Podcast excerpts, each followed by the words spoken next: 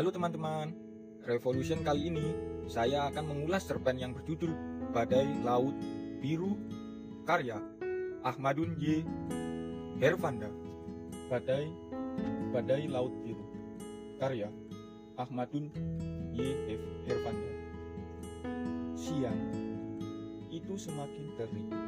Matahari membakar pantai berpasir hitam hingga terasa negara. Tiang-tiang layar perahu bagai gemetaran dipermainkan angin dan ombak. Hingga perahu-perahu tua itu bagai menari-nari di bibir pantai. Namun, kehidupan para nelayan terus berjalan dalam rutinitas mengikuti kehendak sang alam.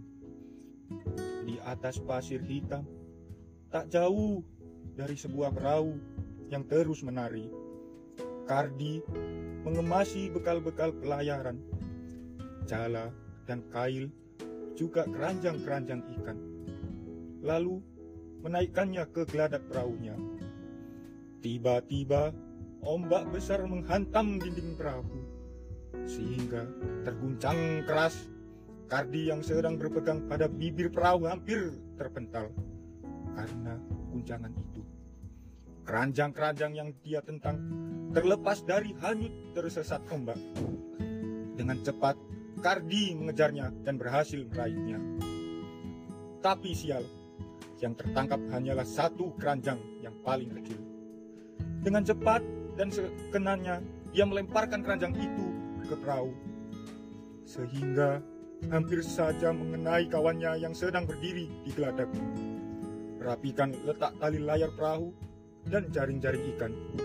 Melihat Kardi kepayahan, lelaki di geladak itu, Salim, dengan tangkas meloncat ke arah Kardi dan mengambil alih keranjang-keranjang yang di bawahnya.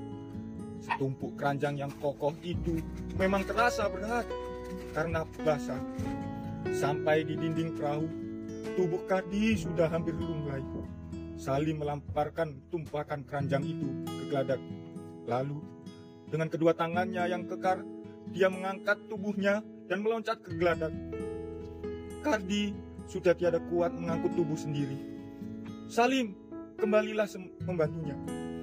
Menarik tangan, Kardi sampai berhasil naik ke geladak. Kardi masih berbaring di pinggir geladak ketika ombak semakin ganas, menghantam didik perahu dia bagaikan tidur di pinggir ayunan yang melambar dan hangat, membiarkan panas matahari menyengati kulit tubuhnya yang coklat kehitaman, seolah dia sudah biasa dibakar sinar matahari seperti itu. Dia sudah tidak pernah lagi ingin memiliki kulit tubuh yang kuning seperti ketika masih sekolah di SMA. Dua tahun yang lalu.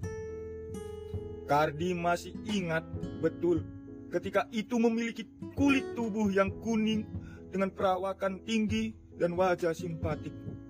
Dia masih ingat betul ketika itu diperbutkan berapa gadis yang tergolong berwajah cantik dan dia masih ingat betul ketika berpacaran dengan gadis keturunan Tionghoa. Teman sekelasnya, namun semuanya telah berlalu bersama kegagalannya meraih cita-cita masuk akabri bersama hilangnya warna kuning kulitnya direnggut sang waktu. Selama dua tahun, dia pun berusaha mencari pekerjaan yang layak sesuai dengan ijazahnya. Namun hasilnya nihil. Kemudian atas anjuran ayahnya, Kardi ikut menjadi awak perahu milik sang ayah sampai sekarang. Kini dia pasrah saja pada kehendak alam. Kehendak sang nabi, kehendak waktu, akan menjadi apa dia kelak. Akan seperti apa kulit tubuhnya, dia pasrah saja. Sedangkan Salim adalah anak pamannya yang bernasib sama. Gagal masuk perguruan tinggi negeri dan gagal mencari pekerjaan kantoran. Perahu tua itu masih melaju dengan tenang sebab belum sampai di daerah sarang ikan yang mereka tuju seperti hari kemarin. Pada saat demikian, para awak perahu dapat beristirahat sebentar untuk melepaskan lelah.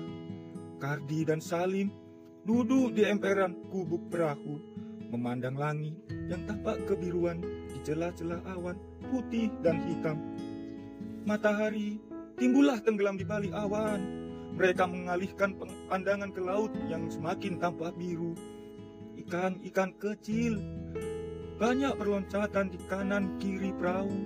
Loncatan ikan yang tinggi kadang-kadang masuk ke geladak perahu. Akhirnya, akhir ini Salim dapat mengetahui adanya hubungan batin antara Kardi dan Rukmini. Salim sering melihat pada saat-saat senggang Kardi dan Rukmini duduk berdua di buritan atau di emperan gubuk. Salim pun mendapat menangkap bahwa Rukmin, Rukmini selalu memberikan pelayanan yang istimewa kepada Kardi, meskipun kadang-kadang dengan agak malu-malu. Secara tak sengaja, Salim pernah memergoki Kardi sedang mencium Rukmini di belakang gubuk perahu seperti Selamat Raharjo mencium Christine Hakim dalam film cinta pertama yang pernah mereka tonton mesra dan lembut. Perahu mulai memasuki daerah sarang ikan. Para awak perahu mulai sibuk melayani alat-alat penangkapan ikan. Kardi dan Salim menceburkan diri ke dalam kesibukan itu. Ada sebuah pukat harimau yang sedang beroperasi di situ. Padahal daerah itu termasuk daerah terlarang bagi pukat harimau. Ketika kedua perahu itu berdekatan, Pak Ruslan bertepuk tangan dengan keras lalu mengacungkan kepalanya dengan maksud agar sang pukat harimau segera menyingkir dari tempat itu. Rupanya, sang pukat harimau tahu diri. Perahu itu segera menyingkir ke tengah. Kadi menatap langit. Langit telah berubah menjadi kelam dengan mendung hitam yang bergumpalan. Tebal berarah ke selatan. Langit seperti mau runtuh. Pak Ruslan segera melihat berkeliling. Dia melihat tanda-tanda yang aneh Laut di sekeliling perahunya tampak tenang tanpa ombak sedikit pun, bagai laut mati. Para awak perahu bagai tersentak, semua segera kembali ke bagaiannya masing-masing. Haluan diputar, kemudian dengan dibantu dayung-dayung, perahu segera dilaju ke barat daya, namun terlambat. Suara gemuruh sekonyong-konyong datang dari arah timur laut. Angin mendadak menerapa sangat keras, disertai ombak yang semakin besar menghantami dinding perahu mereka tanpa kenal ampun. Perahu tua itu terguncang-guncang keras. Dengan susah payah mereka menggulung layar untuk menghindari amukan angin. Tapi angin kencang lebih kuat menghantamnya. Layar tua itu terkembang kembali dengan keras bagai dintakkan. Perahu hampir terbalik. Perahu terayun-ayun, keras bagai sepotong papan yang tak berarti. Lalu perlahan-lahan miring ke kanan dan seluruh isi geladak tiba-tiba terlempar ke laut. Pak Ruslan dengan sigap melemparkan ban-ban dan pelampung, Kardi terbanting ke geladak dengan keras ketika sedang berusaha mengambil sebuah ban yang tergantung di ujung buritan.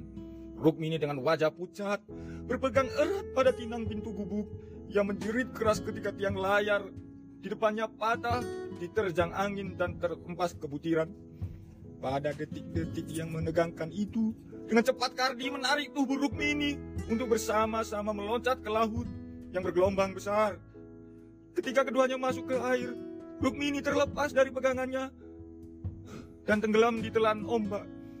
Dengan mata tangannya dia mencari-carinya. Sepintas dia melihat perahunya terbalik. Pada saat terakhir itu, Pak Ruslan meloncat ke laut. Semuanya berlangsung dengan sangat cepat.